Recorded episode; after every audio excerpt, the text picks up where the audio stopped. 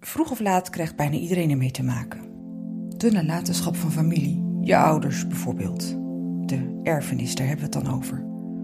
Hoe verdeel je een erfenis? Wie bepaalt wat iedereen krijgt? En wat doe je als je er samen niet uitkomt? In deze juridische podcast Meester van de Lokkant gaat erfrechtadvocaat Edith van der Lokkant Geschieren met mij in gesprek over erfrechtkwesties, waar bijna iedereen wel een keer mee te maken krijgt. In deze aflevering is dat het testament. Het document waarin staat wat er na iemands overlijden met zijn bezittingen moet gebeuren. Mensen weten vaak weinig over het belang van een testament, valt Edith op, terwijl het hebben van zo'n testament problemen kan voorkomen. Komende 20 minuten ga ik met Edith in gesprek over vijf belangrijke vragen rondom het wat en waarom van een testament. Edith, we gaan nu vijf vragen langs die allemaal gaan over het testament. En het zijn trouwens dezelfde vijf vragen waar je ook in een blog op je website op ingaat. Waarom heb je voor deze, specifiek deze vijf vragen gekozen? Ja, dat zijn de zaken eigenlijk waar ik het meest mee te maken krijg op het moment dat een testament aan de orde is. En waarom voor dit onderwerp gekozen, dat hangt samen met, we hebben eerder podcast gemaakt over hoe het wettelijk erfrecht in elkaar steekt. En er zijn natuurlijk situaties, er zijn mensen die zeggen van ja, dat wettelijke erfrecht, ik weet nu hoe het in elkaar zit, maar uh, op mijn situatie is het niet van toepassing. Of er zijn zaken die ik gewoon anders zou willen regelen. En dan komt het testament om de hoek kijken. En er zijn dus heel veel mensen die baat kunnen hebben bij niet alleen te weten hoe het erfrecht in elkaar steekt, maar vervolgens ook te weten als ik dat niet wil of als ik dingen anders wil, hoe moet ik dat dan regelen? En ja, daar heb je dan een testament voor nodig. Dan zijn we ook gelijk bij uh, de eerste vraag, de eerste basale vraag rondom het testament. Heel simpel, wat is een testament? Een testament is een, um, ja, een verklaring, een akte, uh, die door een notaris, dat is ook belangrijk om te weten, die door een notaris opgesteld moet worden. Dus een notariële akte, waarin iemand uh, opschrijft uh, hoe die wil dat zijn, zijn nalatenschap, zijn erfenis, hoe die verdeeld gaat worden. Ten eerste van nou, wie is er erfgenaam? Wie wil je dat er ehm, ja, deelt in jouw nalatenschap. En ten tweede, hoe wil je dat dan geregeld hebben? Dus heel simpel gezegd is het een, uh, ja, een notariële akte, een, uh, een verklaring die door een notaris wordt opgesteld hoe je je erfenis wil verdelen. Is een hele formele, officiële gang van zaken om dat te laten doen. En het kost geld, lijkt mij. Het, uh, het, kost zeker geld. En ja, het, het, moet op deze manier geregeld worden. Um, het kan met één uitzondering, daar zal ik zo wat over zeggen, kan, uh, kan het niet anders. Een testament moet via een notaris lopen, wil het rechtsgeldig uh, zijn. En ja, uiteraard, de notaris moet betaald worden voor het werk wat hij doet. De uitzondering hierop is het codiciel.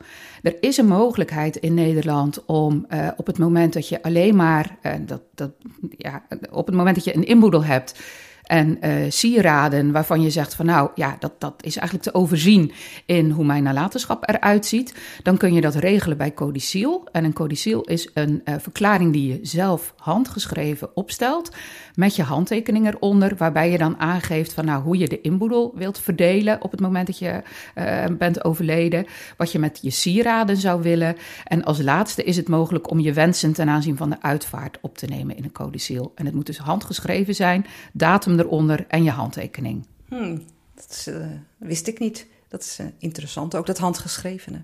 Dus als het uitgetypt is uh, in een Word-document, uitgeprint, dan is het niet geldig, dat codiciel. Nee, klopt. Dit is de regelgeving zoals die uh, nu is. En het ja, doet voor ons een beetje ouderwets aan. Dus ik sluit niet uit dat daar nog wel een wijziging in komt.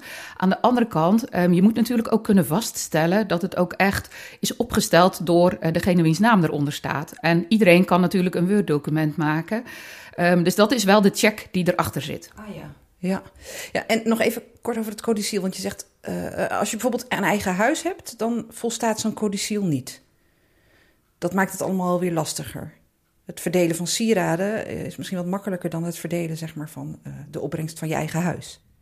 Klopt, het codiciel is echt beperkt tot inboedel, sieraden en uitvaartwensen. Ja. Goed, de tweede vraag, dus ook in je blog op je website www.meestervanderlokkant.nl terug te lezen. Dat is de vraag: waarom laat je een testament opstellen? Een testament kan belangrijk zijn op het moment dat je dingen anders wilt regelen dan dat uh, de wettelijke regeling in elkaar uh, steekt. In een uh, eerder blog heb ik daar al wat meer over verteld. En er kunnen zich situaties voordoen waarbij die wettelijke regeling ja, voor jou gewoon niet werkt. ja, kijk bijvoorbeeld naar wat we tegenwoordig vaak zien, samengestelde gezinnen. Je kunt je voorstellen dat je, nou de wettelijke regeling geeft een regeling dat kinderen jouw erfgenaam zijn. Maar wanneer je uh, samenwoont of getrouwd bent met een partner die eigen kinderen heeft, ja, dan betekent dat erfrechtelijk dat die kinderen niet meedoen in jouw nalatenschap. En je kunt je voorstellen dat um, als je een gezin vormt met de kinderen van beiden, ja, dat je die kinderen, dat je daar ook geen onderscheid in maakt. En in zo'n situatie uh, kan het belangrijk zijn om dat bij testament te regelen. Dus dat je alle kinderen, de kinderen van jezelf en de kinderen van je partner, uh, dat je die gelijkstelt. En daar moet je een testament voor opstellen, want de wet steekt zo uh, niet in elkaar. Die gaat uit van een andere situatie. En is er nog een andere reden waarom je een testament zou kunnen laten opstellen?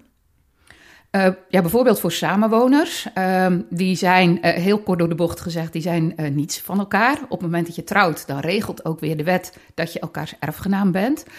Als uh, samenwoners is dat niet het geval. Je erft niet van elkaar.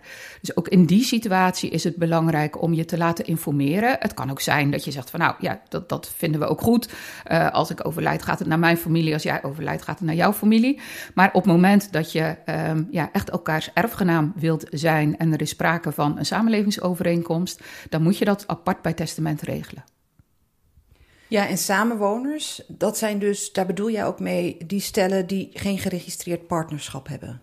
Dat klopt, ja. Niet getrouwd en geen geregistreerd partnerschap. Ja, klopt. Nou noem jij dus een aantal gevallen uh, waarbij jij het adviseert, denk ik, om een testament te laten opstellen, omdat dat gewoon slim is en problemen kan voorkomen. Maar noodzakelijk is het niet. Dat klopt. Nee, het is niet noodzakelijk. En ik uh, kan alleen maar uh, aangeven wat de mogelijkheden zijn. Hè? Dat je zegt van nou, zo steekt de wet in elkaar.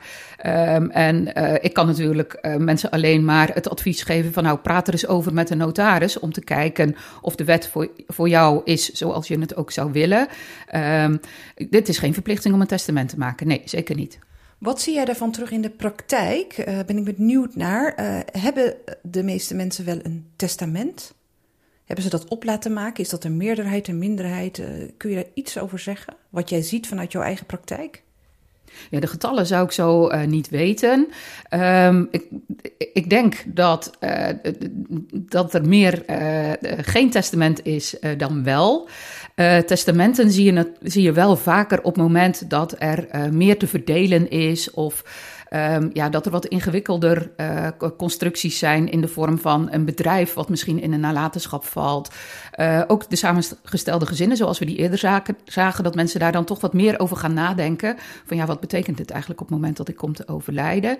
In een wat meer standaard gezinssituatie, uh, ja, waar ook de wetgever van uitgaat, dan kom je een testament wat minder vaak tegen. Ja, want ik moet ook aan mezelf denken. Ik ben getrouwd, uh, we hebben drie kinderen, hebben een eigen huis. Uh, maar eigenlijk nog niet een reden gezien om een testament op te laten uh, maken. Zou je dat dan wel adviseren? Dus eigenlijk zou je kunnen zeggen de standaard situatie. Huisje, boompje, beestje, kinderen, dat. Nou, ik, kan me voorstellen, maar goed, dat is natuurlijk persoonlijk. Um, ja, dat je in zo'n situatie zegt van nou, de wettelijke regeling is voor ons uh, voldoende. Waarbij dan wel, en dat, dat is wel de basis steeds eigenlijk van alle wettelijke regelingen, is vaak de huwelijkse situatie. Uh, dus van daaruit ja, heb je een beetje een voorsprong. Uh, omdat je getrouwd bent en daar gaat de wet ook van uit, is het meestal dat het erfrecht dan ook wel is zoals je het, het graag zou willen. Um, ten aanzien van kinderen, zolang die uh, minderjarig zijn, zie je wel, en ja, dat kun je bij testament doen, maar tegenwoordig is er ook een wat makkelijker regeling. Um, dat je in een testament opneemt, stel uh, er overkomt ons iets, ons beiden, uh, wie willen we dan dat er voogd wordt over de kinderen? En tegenwoordig heb je daar een wat makkelijker uh, regeling voor dat je dat online kunt regelen. Vroeger was dat ook wel een reden om een testament te maken, dat gewoon vast ligt. Uh, ja, mocht ons iets overkomen, de kinderen zijn nog minderjarig, dan willen we dat, en of dat dan vrienden zijn, familie, broers of zussen, dat die de zorg over de kinderen krijgen. Ja, dat werd uh, vroeger ook wel in een testament geregeld. Tot slot, hè, over deze vraag 2, waarom laat je een testament opstellen? En dat zeg ik ook op basis van de afleveringen die ik tot nu toe met jou gemaakt heb. Uh, kan ik me voorstellen dat jij jou nou ook, zeg maar, als professional uh, wat beter hebben leren kennende. Dat je zegt van nou, denk er wel bewust over na. Ga er wel, laat het ook over het opstellen van zo'n testament, of je het doet ja of nee. Maar ga er wel eens met elkaar over nadenken. Of het misschien belangrijk is om in dit geval zo'n testament, of waardevol is om zo'n testament te laten opstellen. Wees je een soort bewustwording van het feit dat dit ook kan spelen. Dat het noodzakelijk kan zijn of handig kan zijn om een testament te hebben. Zeker, dat is ook wel een van de redenen hè, waarom we dit onderwerp bij de kop hebben gepakt. Um, plus ook in 2003 is het, uh, het wettelijk erfrecht is veranderd. En um, ja, de regeling die nu geldt is soms anders dan dat mensen denken. Dus ja, dat, het is zeker belangrijk. En het stuk bewustwording is uh, ja, een taak ook van mij. Ook omdat ik natuurlijk um, ja, op het moment dat het misgaat. Um, zie ik dat. En ja, kan ik er in die fase niks meer aan veranderen. Op het moment dat iemand overleden is en er is geen testament, dan kun je dat niet meer repareren. Derde vraag. Hoe weet ik als erfgenaam, of hoe weten erfgenamen, dat er een testament is? Goeie vraag. En uh, nou, die vraag krijg ik uiteraard van cliënten ook. Hè. Op het moment dat iemand overleden is, dat ze mij bellen van ja, we weten eigenlijk helemaal niets. Um, dat, dat, kan zich bijvoorbeeld voordoen. Een, een tante die overlijdt, die uh, in, in, in het noorden van het land woont. Uh, neefjes en nichtjes, uh, die, die, ja, die komen daar een, een, paar keer per jaar. Maar praten dan natuurlijk met tante niet over wat, hoe haar nalatenschap in elkaar steekt. Of zijn erf ja, een, een, een, een testament heeft laten maken. Um, op het moment dat tante overlijdt en uh, misschien wel zeven neven en nichten zijn erfgenaam, puur op basis van de wet, dan hebben zij vaak geen idee van waar moeten we beginnen. Had tante een testament? Nou, dat soort vragen krijg ik wel uh, in mijn praktijk, dat er dan uh, gevraagd wordt van, ja, waar, waar, beginnen we? Nou, is er een testament, ja of nee? Dat is eigenlijk heel makkelijk op te lossen. Um, een, we hebben eerder met elkaar besproken dat het testament door een notaris wordt opgesteld. En de notaris heeft een verplichting om dat testament aan te melden bij het uh, Centraal Testamentenregister. In Den Haag zit dat. En um, daar kun je, en uh, dat is sinds een paar weken kan het ook digitaal.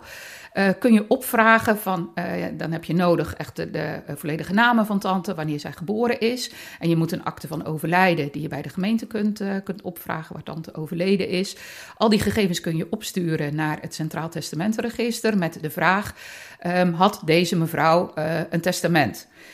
Uh, dan krijg je meestal binnen, het is kosteloos, binnen twee uh, weken krijg je bericht terug. En uh, dat bericht kan zijn, ja, er is een testament geregistreerd. Dan wordt ook aangegeven op welke datum en door welke notaris dat is gebeurd. Of je krijgt bericht van, nee, mevrouw is niet opgenomen in ons register. Dus je hoort of er een testament is, ja of nee. Je hoort niet van het Centraal Testamentenregister wat er in het testament staat hoe moet je dan de volgende stap zetten? Uh, dat is contact opnemen met een notaris. Dus dat hoeft niet de notaris te zijn die in het register uh, staat opgenomen. Dat mag wel, maar het kan willekeurig een uh, notaris in Nederland zijn. Met de vraag van, nou luister, onze tante is overleden. We hebben uit het register begrepen dat er een testament is. We zouden graag een afschrift van dat testament willen hebben. En de notaris kan dan dat testament verstrekken. En daar zit dan ook weer een, uh, een hobbeltje in, in die zin. Uh, dat als blijkt uh, dat er een testament is waar bijvoorbeeld één persoon, laten we even de zeven neven en nichten van net als voorbeeld nemen.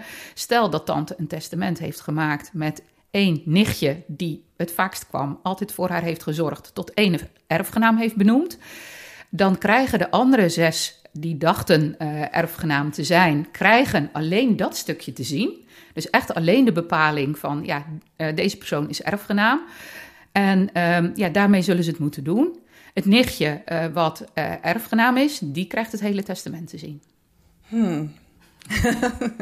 Tja.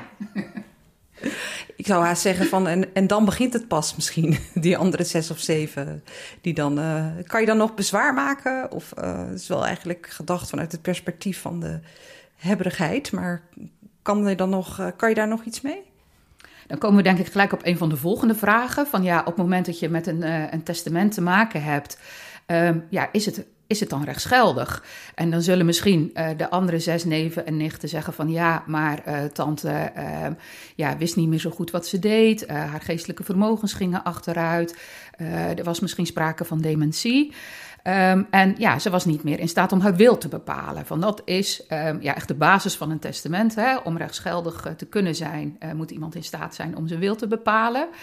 Nou, um, de ervaring leert dat het bijna nooit lukt, want daar zou je dan over moeten procederen, om een testament ongeldig verklaard te krijgen. En op deze vraag gaan we zo meteen nog even wat uh, dieper in. Wie wikkelt het testament af?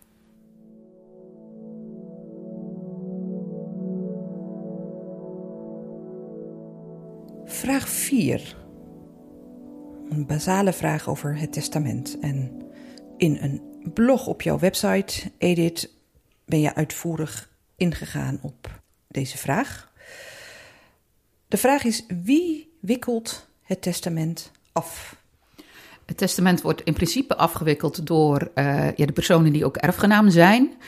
Het kan zijn uh, dat er in het testament een executeur benoemd is, die echt de functie heeft gekregen om het testament uh, af te wikkelen. En ja, dat, dat is echt wel een verhaal apart. En dat is ook de reden dat we daar een aparte podcast aan, uh, aan wijden, om, om daar wat meer over te vertellen, die functie van executeur. Staat dat niet in het testament genoemd, dan zijn het dus de erfgenamen die samen gaan afwikkelen. Dus met elkaar gaan kijken, ja, wat is er aan bezittingen, wat is er aan schulden en hoe moet het volgens het testament, hè, want dat is de laatste wil van de overledene, hoe moet het afgewikkeld worden? Ja, er is inderdaad een aflevering, uh, zo zit het als een executeur de erfenis regelt. Dan gaan we naar de laatste vraag, vraag 5.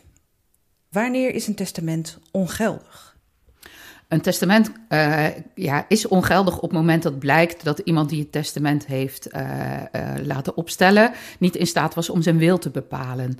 En ja, je kunt je voorstellen, iemand met dementie, Alzheimer, die is niet in staat, of althans, dat, dat kan zo zijn, ja, die kan dat niet overzien om ja, echt zijn wil in alle vrijheid te bepalen. En in Nederland is dat eigenlijk heel goed geregeld. We zagen al, het testament moet door een notaris worden opgesteld. En de notaris heeft een heel protocol waar hij zich aan moet houden. Op het moment dat iemand bij hem komt uh, die zegt van nou, ik wil graag een testament opmaken, dan is er echt apart een taak voor de notaris om te kijken of iemand in staat is om zijn wil te bepalen. Dus op het moment dat er een notaris geconfronteerd wordt met, laten we dat nichtje nog even als voorbeeld nemen, die opbelt voor haar tante van ja, mijn tante wil een testament opmaken, dan uh, zal er al wel, tuurlijk kan dat gebeuren en dat kan ook helemaal, helemaal goed zijn. dat tante ook ja, naar de notaris gereden wordt door het nichtje, omdat tante niet meer zelf kan autorijden. Maar bij de notaris moet moet er wel een lampje gaan branden van... hé, hey, um, het is niet tante zelf die mij nu aangeeft van... ik wil dat er een uh, testament komt, maar het is iemand anders. Wel een extra check van is dit ook echt wat tante zelf uh, wil. Dus die controle is er voor de notaris altijd echt aan de hand van een heel stappenplan... wat hij echt verplicht moet nakomen. En een tweede is ook op het moment dat er een testament uh, wordt opgesteld... en wordt verleden bij de notaris dan um, moet tante ook één op één met de notaris uh, aanwezig zijn. En nichtje, die mag even buiten de deur uh, wachten. Dus uh, ook in die zin is er een extra check. Zou het zo zijn dat tante heel erg onder druk wordt gezet door nichtje, ja, dan kan ze dat één op één aan de notaris laten weten. Of de notaris merkt op het moment dat het nichtje niet meer in de kamer is van hé, hey, tante zegt nu toch totaal andere dingen. Ja, dan zal het testament uiteraard niet worden opgesteld zoals het nichtje dat, dat graag zou zien. Wat ik me nog uh, afvroeg, Edith, is waarom jij deze vraag, dus wanneer is een testament ongeldig, hebt opgenomen in dat rijtje met vijf basale vragen. Komt het vaak voor? Of waarom deze vraag erin? Het verbaasde mij ietsje. Het komt zeker regelmatig voor. En um, ja, op het moment dat er in een testament uh, dingen staan waarbij uh, familieleden uh, het, idee hadden van oh, dat verrast mij. Uh, dan krijg ik inderdaad van die familieleden wel vaak de vraag van... ja, maar is daar niks meer aan te doen? Want dit is volgens ons niet zoals, uh, nou ja, tante dan weer in ons voor, voorbeeld... zoals tante dat heeft, heeft gewild. Dus um, het is zeker een vraag die regelmatig langskomt bij mij... dat mensen denken van, nou, dit kan niet zo, dit kan niet zo zijn... dit kan niet haar wil geweest zijn... is er geen misbruik gemaakt van haar goedheid om het op deze manier te doen? Dus er zijn regelmatig mensen die contact met mij opnemen omdat ze twijfelen over de inhoud. Dat ze eigenlijk niet kunnen geloven dat dit uh, echt in alle vrijheid is opgesteld door degene die is overleden. En wat is dan het traject dat volgt? Dan is toch met elkaar langslopend uh, van ja, wat, wat was de situatie? Hè? Wanneer is het testament opgesteld? Uh, wat is er anders dan je had verwacht? Uh, hoe was toen de situatie? Waarom denk je dat dit testament onder dwang of misbruikmakend van omstandigheden tot stand is, is gekomen? Um, tegenwoordig is er, daar is ook nieuwe wetgeving in, iets makkelijker geworden om een medisch dossier op te vragen. Want dat kan natuurlijk belangrijk zijn, hè, van hoe was de medische situatie van iemand. Uh, waarbij het dan toch soms nog lastig is. Uh, van nou, stel in dat voorbeeld van tante, stel dat zij inderdaad uh, Alzheimer had of dementie. Ja, dan moet je aantonen als andere familieleden dat tante op het moment dat zij ehm, haar wil bepaalde in het testament, dus echt dat specifieke moment, dat zij toen niet in staat was om haar wil te bepalen. En dat is natuurlijk heel lastig, want het kan zomaar zijn dat ze hele goede momenten had, net in die goede momenten het testament heeft laten opmaken, dan is het rechtsgeldig. Of ja, eh, in situaties dat dat toch niet het geval was. En dan kun je zeggen van ja, maar dan was ze niet in staat om haar wil te bepalen. Degene die het testament aanvecht, die moet bewijzen dat dit de situatie was. En dat is natuurlijk achteraf heel lastig. En hoe, om even het woord ervoor te gebruiken, succesvol is dat? Dat lijkt me inderdaad heel erg lastig. Dat is niet succesvol. Als je daar rechtspraak uh, op naar uh, slaat, is dat gewoon heel ingewikkeld en ja, lukt dat bijna nooit. En dat is natuurlijk ook andersom geredeneerd. Um, ja, je kunt ook zien als dat de notaris kennelijk zijn werk goed doet, uh, dat hij alleen een testament opstelt op het moment dat er iemand tegenover hem zit die ook echt zijn wil kan bepalen. Oké, okay. bedankt Edith. Ik heb nog één laatste vraag. Wat en we hebben die vijf vragen doorgenomen. Je hebt uh, ze allemaal heel uh, ja, goed en uitvoerig uh, beantwoord. Dus ook op je blog te vinden. Maar wat is in twee zinnen het belangrijkste advies van jou aan mensen als het gaat om het wel of niet opstellen van een testament? In twee zinnen.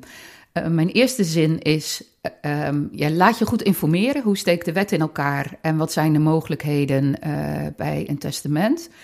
En een tweede, misschien ook wel iets buiten het boekje van deze podcast, maar toch wel uh, belangrijk. Ja, praat er gewoon ook met elkaar over.